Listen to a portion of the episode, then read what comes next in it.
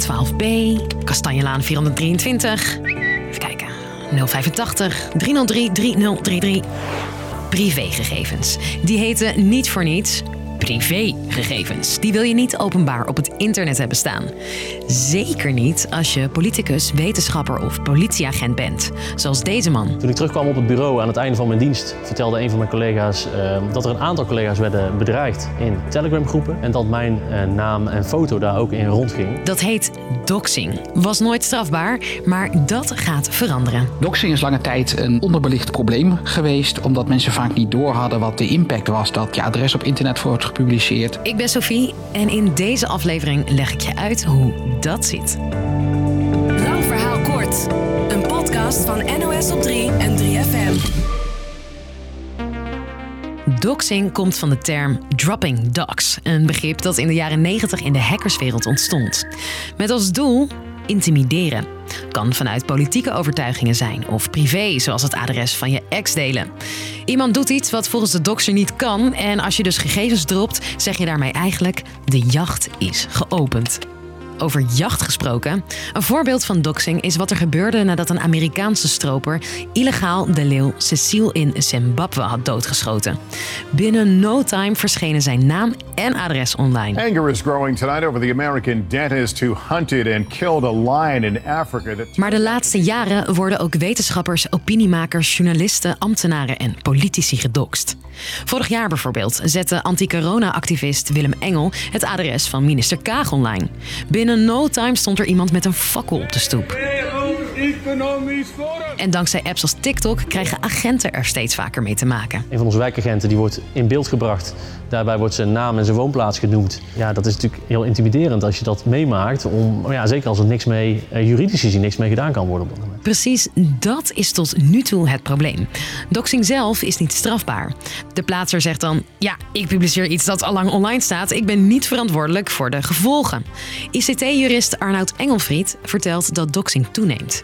Mede omdat. Het aantal datalekken is enorm toegenomen. Dus het is makkelijker om informatie over mensen te vinden. En het politiek debat is ontzettend verhard. Ja, dan is het logisch te verwachten dat mensen eerder dit soort tactieken gaan inzetten. Na tal van voorbeelden werd het tijd voor actie, vond de minister van Veiligheid en Justitie, Dilan Jezilgus.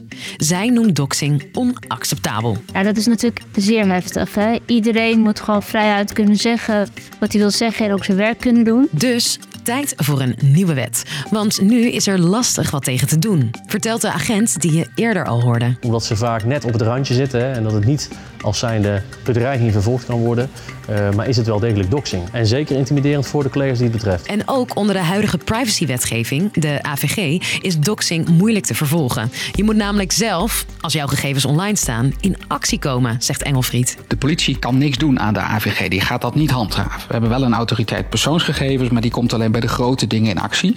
Voor de rest moet je het zelf doen. En de rechter kan pas echt wat doen als je kan bewijzen dat degene die jouw gegevens online zetten, dat deed om jou te intimideren. En dat is vaak lastig. En dus komen daders er nu vaak mee weg. En daarom heeft de meerderheid van de Tweede Kamer ingestemd met een nieuwe wet. Die moet doxers veroordelen dus makkelijker maken, vertelt ICT-jurist Engelfried. De nieuwe wet gaat het strafbaar maken om persoonsgegevens te publiceren als daar een intimiderende bedoeling aan zit. Daar staat maximaal een jaar cel op of 9000 euro boete.